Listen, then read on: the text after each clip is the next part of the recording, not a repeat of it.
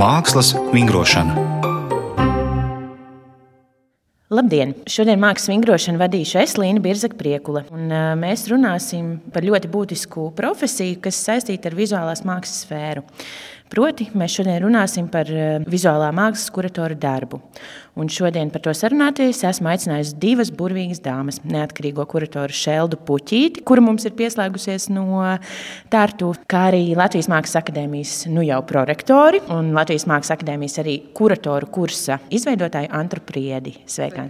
Kuratoru darba vēsture, kā vēsta dažādu literatūru, ir meklējama jau 14. gadsimtā, kad gan mēs, protams, vairāk varējām par to runāt eh, kā kuratoriem, kas aprūpē eh, tiešā valodā no eh, latīņu valodas, kurā arī kolekcijas vai dažādas mantības vai priekšmetus vai mākslas darbus un tā tālāk, bet šīs funkcijas pavisam noteikti ir krietni mainījušās. Un Lai iesāktu mūsu šo sarunu, es, protams, nevaru nepajautāt eh, jums katrai, kas jūsuprāt eh, ir eh, vizuālās mākslas kurators 21. gadsimtā un kā šīs lomas varbūt ir mainījušās. Šēlda, varbūt tu vēlētos sākt. Nu, man uzreiz ir jāsaka, ka es īpaši nemīlu definīcijas. Tas kaut kādā ziņā ir saistīts ar to, kā laikam man prāts strādā, ka viņš nemīl definīcijas. Man uzreiz atslēdzas visas sistēmas. Bet es tev arī neprasu konkrētu definīciju. Mums nav tas jāatrod šoreiz. Man arī nepatīk definīcijas tā iemesla dēļ, ka uh, tas nozīmē ielikt kuratoru kaut kādā mm, rāmī. Man liekas, ka tas jau pa daudz tiek darīts. Bet, nu, labi, ja man ir kaut kā tas jānodefinē, tad es droši vien teiktu, ka kurators ir radoša persona ar savām idejām, vīzijām, jautājumiem, kuri urda un kurus gribas risināt. Tas, ar ko varbūt atšķiras tieši mākslas kurators, ir interešu lauks, pielietotie instrumenti. Varbūt dažkārt arī izteiksmes veids tiek strādāts ar vai uzsvers ir uz mākslu un māksliniekiem, bet ne tikai. Kuratoram ir jāsako līdzi un labi jāpārzina ne tikai notiekošais mākslas pasaulē un mākslas vēsturē, bet arī dažādi pasaules strāvojumi, tā dēvētās sociālās āderes jāpārzina gan jaunākie domu strāvojumi, gan filozofijas un kultūras vēstures teksti. Ideālā variantā kuratori labi pārzina arī popkultūru, jo tā ir sfēra, kur vislabāk iepazīt mūsdienu cilvēku vaipstus un vērtības. Tas, kas Latvijā vēl līdz galam netiek apgramots un pieņemts, ir kurators kā mākslinieks, kamēr mākslinieks kā kurators tiek uztverts pozitīvi. Ko tu domā ar to kurators kā mākslinieks? Nu, kad uh, kurators kaut kādā ziņā izmanto līdzīgus paņēmienus vai strādā ļoti līdzīgi kā mākslinieks, respektīvi, strādā ļoti brīvi un ļoti brīvi strādā ar ideju izklāstiem, tēmu interpretācijām. Es kaut kādā ziņā redzu kuratoru tāpat kā kino vai teātris režisors, lai gan tas nav viens un tas pats, bet tur ir savas uh, līdzības. Um, ja tur bieži strādā jau ar gatavu materiālu, tāpat kā kurators visbiežāk strādā jau ar gatavu materiālu, bet ne tikai. Izceļ aktieru, šajā gadījumā mākslinieku talantu, strādā ar dizainu, skaņu, tekstu un, un citām lietām. Un tad to visu uzved uz skatuves, kas uh, bieži mākslas kuratora gadījumā ir izstāde, bet atkal ne tikai. Varbūt man te jāpajautā tāds provokatīvs jautājums, vai tu sevi ieraksti šī kurators kā mākslinieks uh, laukā, jo mēs zinām, ka kuratori, protams, ļoti dažādi, neatkarīgie institucionālie mākslinieki. Man atbilde būs tāda, jā, bet nevienmēr. ļoti labi. Antra, kāds tev ir viedoklis par tām lomām un kā tās varbūt ir mainījušās un kas ir varbūt tāds būtiskākais kuratoru darbā? Papildinot jau Šeldes norādīto, kas varētu būt mūsdienu kurators, tad es varētu varbūt nosaukt vēl pāris funkcijas, kas man šķiet ārkārtīgi svarīgas, un tās būtu dažādu valodu pārzināšana un būt spējīgam notulkot šīs dažādas valodas, vai tās būtu mākslas, sarunu valodas, ķermeņa valodas, empātijas valoda, un kas mūsdienām ir ārkārtīgi svarīgi spēt runāt iekļaujošā valodā. Un tāpat arī kuratoram ir jābūt ar patiesu ieklausīšanās spēju, un lai tas nepaliek tikai uz papīra, kā tāda atruna vai iegans konkrēta projekta realizācijā. Un ir patiesa vēlme strādāt um, pašnoteiktās koncepcijas ietvarā uh, un nepievelkot šo koncepciju kādai aktuālai tendencei.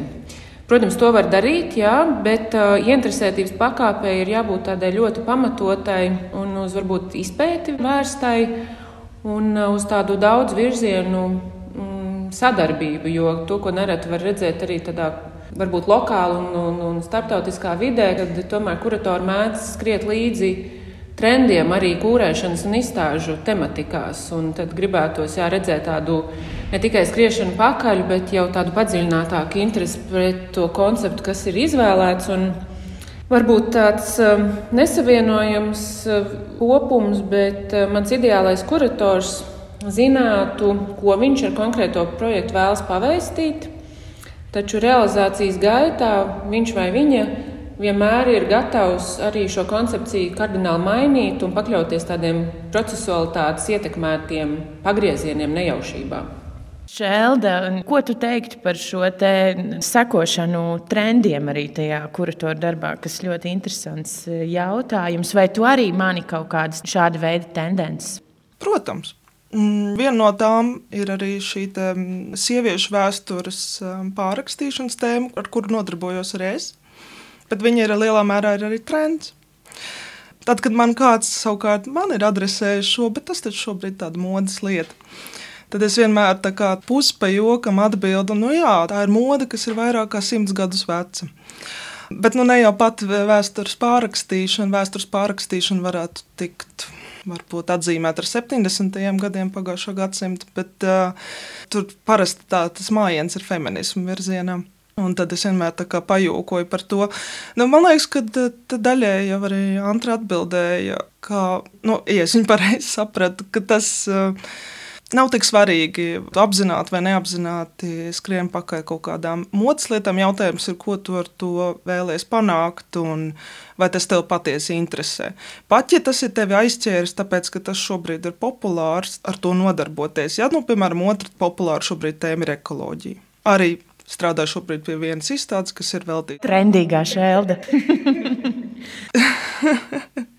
Bet nu, es viņu skatīšu viņu caur um, bērnu grāmatu Bambijas. Tad jau redzēs, kāds būs tas rezultāts. Tā kā viss ir atkarīgs no ko un kā, jo man liekas, ka mēs dažkārt arī padaudz fokusējamies uz kaut kādām inovācijām vai originalitāti. Vairāk man, man liekas, svarīgāk ir tur parādās gan tev kā kuratora balss, gan kas ir tas, ko tu īsti gribi ar to pateikt, nu, cik tev tas tiešām ir pašam rūp un ir svarīgi. Kāds ir bijis tas sākotnējais punkts, kāpēc tu esi sācis to darīt? Vai tas ir bijis tā, ka tev tas vienmēr ir interesējis? Jo man patiesībā tas sieviešu vēsture ir vienmēr interesējusi, bet kaut kā laikam es esmu bijusi sabijusies pati vai kā, un tad, kad tas tā kā nāca pāri kā tāds um, vilnis. Tas varbūt tās kaut kādā ziņā man iedrošināja, bet mans impulss bija dēļ vienas lekcijas, kas tika nolasīta uh, Rīgā pirms vairākiem gadiem. Tas pat nebija trends, bet tas droši vien man iedrošināja, ka ir daudz līdzīgi domājušie, kuriem liekas, ka tas ir svarīgi. Un tas īstenībā tādā ziņā ir labi, ja tas, ko tu gribi darīt, ir trends. Tas tāpat kā drēbes, nu, tā, tas tavs stils ir modē. Tas nozīmē, ka tev ir vairāk pieejamas lietas, kas tev patīk.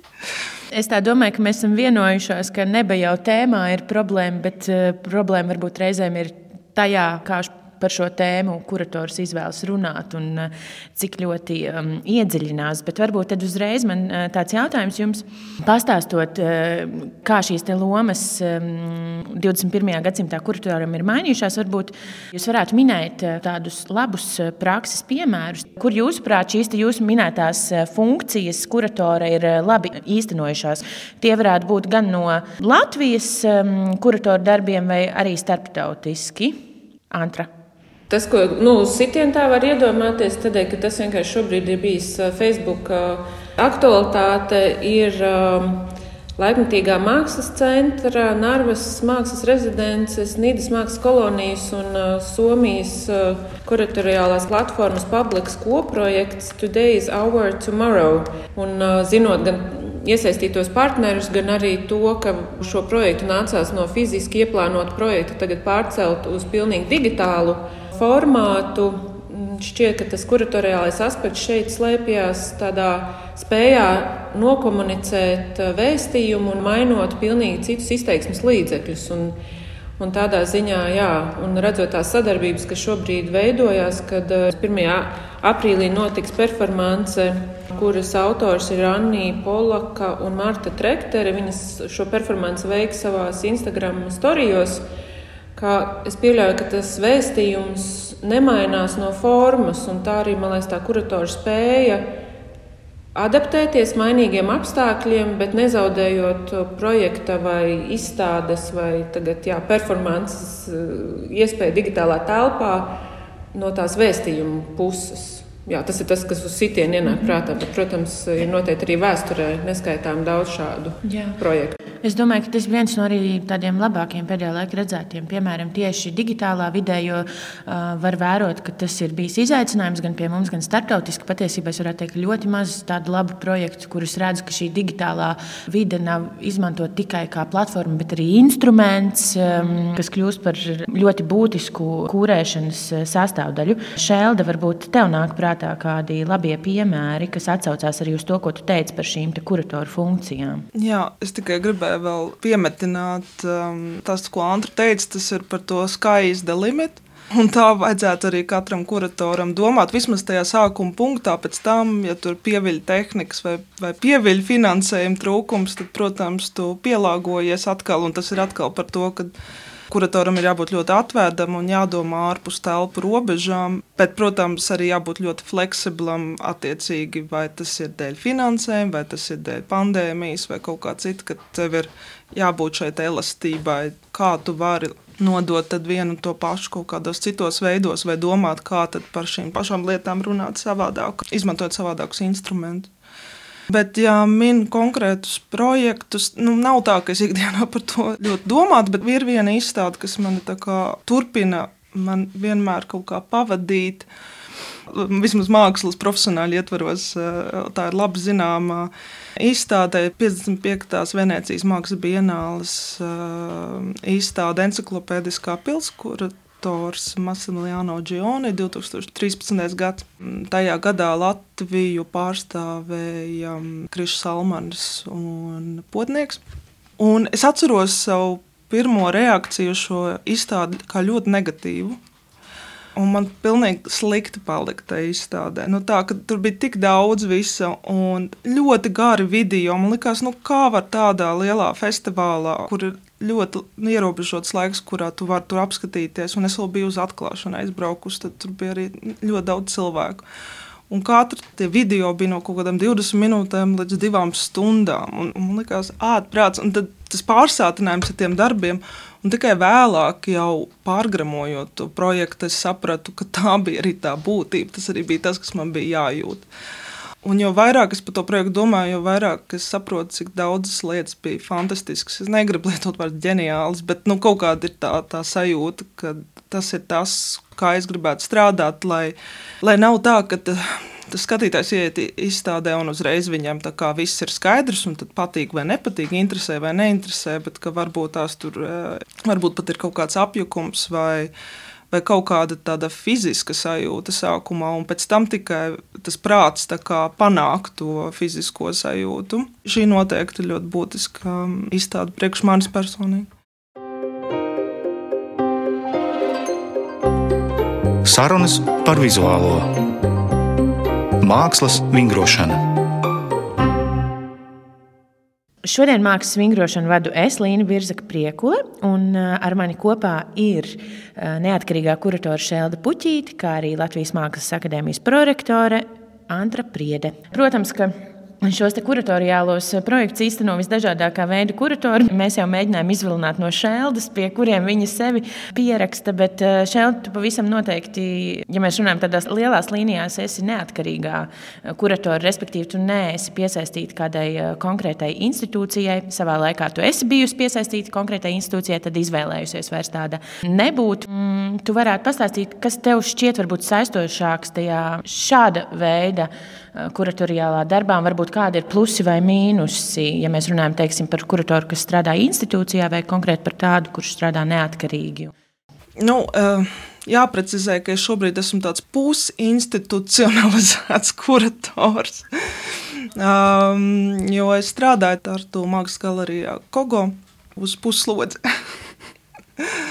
un esmu atbildīga tieši par, par izstāžu programmas veidošanu. Es ar viņiem kūrēju vairākas izstādes, bet es tā kā to neskatu kā kuratoriālu darbu. Es strādājot kā programmas um, veidotājs, es sev uztveru kā programmas veidotāju. Un tas man liekas, ir pilnīgi cits darbs. Tur ir kuratoriāli elementi, bet es to uztveru kā kaut ko citu.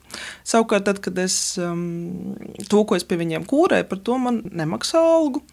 Un, attiecīgi, arī pārējos projektus, ko es kūrēju, ir absolūti neatkarīgi projekti, un tur es arī sevi uztveru kā neatkarīgo kuratoru, kas sadarbojas vai nesadarbojas ar kaut kādām konkrētām institūcijām. Nu, es teikšu, man liekas, ka ir ļoti vērtīgi pastrādāt dažādos režīmos, jo tas, tā, tas tāpat kā ceļot, ja, kad tev rodas dažādas šīs pieredzes, un viņas visas ir ļoti vērtīgas un izmantojamas arī tajā tavā darbības eh, formātā, kādā tu atķēksies beigās vai, vai būsi tajā mirklī.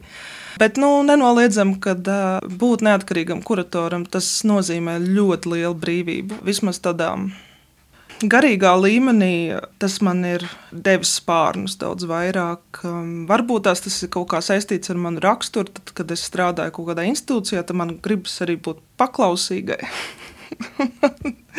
un tad es jūtu, ka es līdz galam arī, ka man otra daba ir, ka es esmu reizē arī pirāts. Un, Un man gribas būt paklausīgam, un gribas būt pirātam, un tad es šausmīgi mokos institūcijās, jo man sadalās identitātes vai kaut kā tam līdzīga. Un es tādā veidā jūtu, ka es nedaudz sevi apspiežu, pat ja es um, taisu kādu revolūciju. Un tādā ziņā, jā, būt neatkarīgam kuratoram, tā ir milzīga brīvība, bet uh, jebkura brīvība nāk par maksu. Jā. Vai man pakomentēt par to?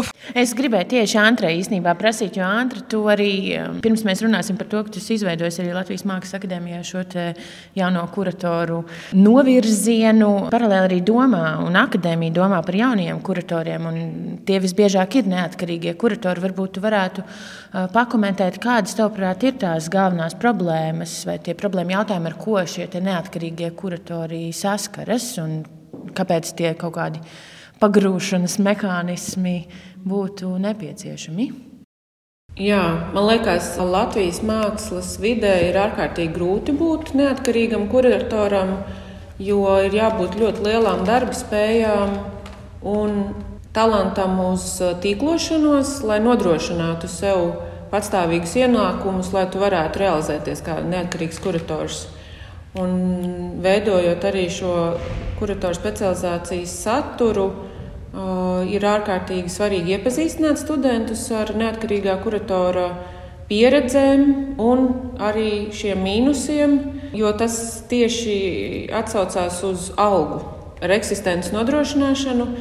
Un studiju saturā bieži uzaicinu tieši Māju Rudovsku, jo, manuprāt, jā, tagad vismaz Latvijā dzīvojoša viena no retajām neatkarīgajām kuratoriem un mūsu dažādajās sarunās tas vienmēr ir arī uzrādījies, kad viens, jā, kā Šelda min, tā ir šī neierobežotā brīvība, koncepciju izvēļu ziņā, projektu realizēšanā, tu pats inicē savus, taču tevi ierobežo šie finansu resursi, jo, lai nodrošinātu savu neatkarīgā kuratora karjeru, ir jāraksta neskaitām projekti, jāpiedalās HKF stipendiju konkursos, Un, un tā vienmēr ir laimes spēle.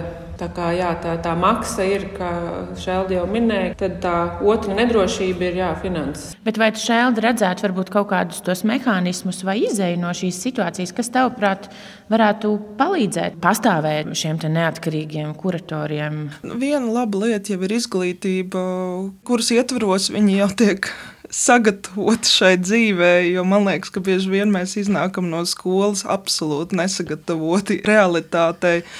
Jo es arī, tad, kad es tikko kļuvu par neatkarīgu kuratoru, kad es aizgāju prom no Latvijas Nacionālā Mākslas muzeja, tad pirmie divi gadi bija ļoti smagi. Man nav problēmas networkingot, bet, bet es nebiju pieradusi, ka tik lielā līmenī to darīt. Jo tas pēkšņi ieslēdzās tas, ka tas ir non-stops. Tu nevari tā, tagad bišķiņu, un tad atkal bišķiņu. Un, ka tev tas ir principā nemitīgs uh, rīņķa danses, kas tev ir jāveic.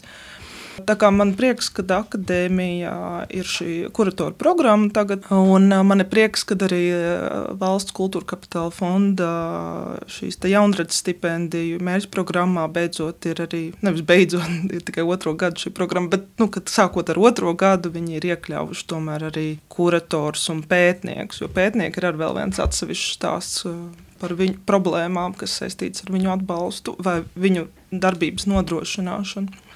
Tā kā tie jau ir tādi labi, divi labi, nozīmīgi soļi, nu, droši vien tas, kas būtu trešais, bet tur ir jādomā, protams, arī kā tas tīri praktiski varētu tikt realizēts un no birokrātiskā viedokļa, kā to var nodrošināt. Ir, ka tam kuratoram ir iespēja strādāt pie projektiem arī neatkarīgi, ka viņam nav vajadzīga institūcija vai kaut kāda biedrība, lai realizētu savus uh, projektus. Jo šobrīd ir tā, ka vienīgais, ko kurators var, piemēram, aizejot pie publiskajiem fondiem, izdarīt, ir paprasīt sev stipendiju.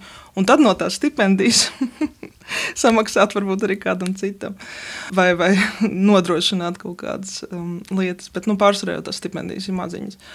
Jā, Un, diemžēl ir arī tā, ka, ja nu, tev ir jābūt kaut kādam tiešām mega superstāram, un man liekas, Latvijas līmenī neviens nav tādu statusu, nu, varbūt kāds ir, bet nu, pa lielam nevienam nav šāds status, kas nav piesaistīts pie kādas institūcijas ļoti tiešā veidā. Kas iet pie privātiem sponsoriem, un viņam būtu gatavs šis privātais sponsors atbalstīt viņu kā vienu uh, personu, kas pie viņa ir aizgājusi un aiz kura nav kaut kāda institūcija vai kaut kādas drošības garants. Jo to pat tagad arī ir tagad jauna mērķprogramma Kultūra Kapitāla fondā, un tur arī tiek uztverts par institūcijas līdzšanējo darbību. Līdz ar to ir ļoti institucionalizēta vide, un līdz ar to tas rada visus šos attiecīgi arī šķēršļus. Um, neatkarīgam kuratoram. Nu jā, un tad ir atkal jautājums, kāds tad viņš ir neatkarīgs vai ne? Ja viņam vienmēr ir jāsadarbojas konkrēti vai jāiet ar kaut kādu institūciju aiz viņa. Bet uh, Antra par, par to pastumšanu. Tu esi arī inicējusi, šķiet, kopā ar sadarbības partneriem šo jauno kuratoru balvu. Pastāsti, kādēļ šī ideja un ko jūs ar to vēlaties Jā. pateikt un panākt? Jaunā kuratora balva tika iedibināta sadarbībā ar Rīgas fotobienāli, jo, kā jau arī Šelda norādīja, tad jau divus gadus ir šī radošā stipendija, taču pirmajā gadā viņu izsludinot, tur tika iekļauti jau konkrēti specifizējot vizuālās mākslas pārstāvjus un kuratoru lokālā komūna. Bija ļoti sašutoša, jo gan lokāli, gan starptautiski kurators tomēr tiek uzskatīti par pilnvērtīgu radošu personu. Un šo iniciatīvu un uzmanību vērš šai mm, kļūdai izcēla Inga Brūvere. Un tad mēs par to aktīvi runājām. Bija vēl vairāki Latvijas kuratori, kuri gribēja kā, pievērst uzmanību šai netaisnībai, ka kurators nav iekļauts kā radoša persona. Un mēs domājam tos veidus, kā to darīt. Un tad nāca iniciatīva no Ingas Brūveres caur fotobienāli uzsākt šādu balvu un dot balsi tieši jaunajam kuratoram. Konkurss tika izsludināts pagājušā gada rudenī, un jau nākamajā mēnesī, maijā, mēs plānojam atvērt šīs balvas ieguvējas Tīnas Peterssonas izstādi. Un, uh, mēs ļoti, ļoti ceram, ka caur šādas jaunas balvas, kurai sekos izstādes ietvaros arī publiska diskusija par uh, kuratora vēsturisko attīstību Latvijas uh, ietvaros, un tāpat laikā mēģinot jā, ieskicēt, kā jau mēs arī šodien runājam par to nākotnes kuratoru, kas ir 21. gadsimta kuratoru rīki, kā darboties. Un tikai caur šādām publiskām aktivitātēm mēs varam pievērst uzmanību kaut kādiem sasāpējušiem jautājumiem, un ir vienmēr jāuzņem drosme to darīt. Un šobrīd vismaz es jūtu, ka ir sakrājusies tāda kritiskā masa pat dažādu pauģu kuratoru jautājumos vai tajās lietās, kas uztrauc, un ka nu, laiks, vieta un konteksts brīnišķīgi saslēdzās, lai mēs publiski varam celt ažiotāžu, pievērst uzmanību netaisnībām. Šis man noteikti sasaucās arī ar to sen sasāpējušo problēmu vizuālās mākslas sfērā, ka mums principā nav tāda valstiska arī vizuālās mākslas balva, kurā noteikti arī kuratoru darbs un arī nenoliedzami producentu vai izstāžu dizaineru, arhitektu un tā tālāk darbs līdzās mākslinieku darbam būtu um, vienlīdzīgi novērtēts. Bet, um, Andrija, ja mēs esam sākuši runāt arī par šiem jauniem kuratoriem, tad Mēs zinām, ka arī visā pasaulē, apmēram sākot no 90. gadiem, ļoti strauji attīstās šīs kuratoriālās mācību programmas. Tu esi inicējusi arī šāda veida programmu Latvijas Mākslas akadēmijā, maģistrantūras līmenī, kā papildus virzienu. Viedokļi, protams, ir dažādi un ļoti populārs arī viedoklis, ko tad kuratoram vispār vai viņam būtu jāstudē un jāmācās. Jo nu, kuratora galvenie darba instrumenti ir teksti un um, izstāžu vērošana, skatīšanās, tīklošanās un viss tas, ko mēs minējām, varbūt varētu pastāstīt par motivāciju arī veidot šādu veidu novirziena nodaļu. Jā, līdzīgi kā jau minēju par tādu kritiskās masas sasniegšanu, lai kaut kas sprāgtu, notiktu, arī bija ar šīs specializācijas izveidi. Jo par to jau ir bijušas runas vairākus gadus iepriekš, gan no studentu puses, gan arī akadēmijas ietveros. Un tad jā, Kristaps Zariņš vienkārši pateica, daram. Un tas arī tika sākts, un te man palīdzēja mana pieredze strādājot laikmatīgajā mākslas centrā. Jo, kā jau minēts, jā, šī tīklošanās un kontaktu uzturēšana ir ārkārtīgi svarīga kuratora rīki, caur kuriem bija iespējams uzaicināt vieslektorus un paralēli arī domāt par tām zināšanām, kas pietrūkst Latvijas mākslas studentam. Un tad pirms Nu, jau laikam sanāk, jā, gandrīz trīs gadiem uzsākot sagatavošanās darbus, es aicināju Jānu Kukainu un Jānu Ozoliņu iesaistīties. Un viņi savos priekšmetos nosedz dzimtes un feminismu studijas, kas līdz šim akadēmijā netika pasniegts. Un, jā, domājot par to jauno kuratoru, viņam tomēr jāspēj orientēties visdažādākajās mūsdienu mākslas un ne tikai kritiskajās teorijās. Tas bija tas viens no svarīgākajiem aspektiem, kas papildināju jau esošo maģistrantūras priekšmetu loku. Tad uh, uzrunāju uh, Denisu Hanovu, kurš savukārt iedeva citu perspektīvu, kā paskatīties uz kultūras procesiem no tādas um, citādības uh, aspekta un pavērot plašāku interpretācijas lauku kaut pašam attēlam, ko savukārt jā, šogad kā jaunu kursu realizē Jānis Uzoliņš sadarbībā ar Artu Ostupu. Tāda lielā koncepcija ir parādīt dažādus veidus, kā nolikt attēlu, vai kā skatīties uz attēlu, kā viņu interpretēt un kā viņu ielikt savā radošajā interpretācijā, kā kuratoram. Jo mākslas vēsture nav tikai attēlu vēsture, tā arī ir kontekstu un, un teikt, sabiedrības norišu vēsture. Paralēli jā, ir atsevišķs priekšmets, kā kuratoru studijas, kas savukārt ir tāds autoru kolektīvs, jo caur pieaicinātajiem vieslektoriem ir svarīgi norādīt studentiem kuratora profesijas iespējas Latvijā. Attiecīgi tiek iepazīstināts ar nevalstisko un valsts institūciju kuratora darbu. Tāpat, jā, kā jau Šēlda minēja, mākslinieks kā kurators tikko tieši pagājušajā nedēļā bija vieslekcija no Kaspara Groševa. Šonadēļ turpina Zane Onskule. Bet, protams, šie vārdi ir daudz, kas aktīvi darbojas Latvijā. Un ir patiesi brīnišķīga sadarbība arī ar Polu Onīlu, kurš jau no pašiem pirmsākumiem ir iesaistīts studiju procesa izveidē. Viņš pasniedz tieši izstāžu metodoloģiju, vēsturi un dažādos tos kūrēšanas aspektus. Taču jāpiemina, ka studentiem nemitīgi tiek atgādināts, ka nav izstāžu kūrēšana. Kūrēšana ir kaut kas krietni plašāks kā izstāde. Un, attiecīgi, no viņa diploma darbiem arī mēs sagaidām ne tikai izstādes, bet gan grāmatas, eh, lekciju ciklus, performanču festivālus. Netiek ierobežot šajā kuratoriālajā izpausmē. Mm -hmm. Bet, Šelda, tu pati eh, tu pabeidz mākslas zinātnes nodaļu. Un tādu kuratoru darbu atsevišķi laikam nestudēs. Varbūt kaut kāds kursus klausījusies. Kāda būtu tava izvēle tagad, piemēram? Jā, man vienīgā izglītība kas ir saistīta ar mākslas izglītību, ir, ir jā, Latvijas Mākslas akadēmijā mākslas zinātnieki. Kuratoru skolas nekādas neesmu beigusi. Esmu ik pa brīdim apsvērus domu par vienu vai otru. Man liekas, šobrīd vissimpātiskākā liekas Stokholmā kuratoru laboratorija, kur varbūt es kaut kādā brīdī varētu pamēģināt. Lielas paldies! Man bija ļoti interesanti. Šodien eh, mākslas vingrošanā kopā ar mani Līnu Birzaku Priekuli bija Latvijas Mākslas akadēmijas prorektora Antra Priede, kā arī neatkarīgā kuratora Šelda Puķīta. Paldies jums! Raidījums tapis ar valsts kultūra kapitāla fonda atbalstu.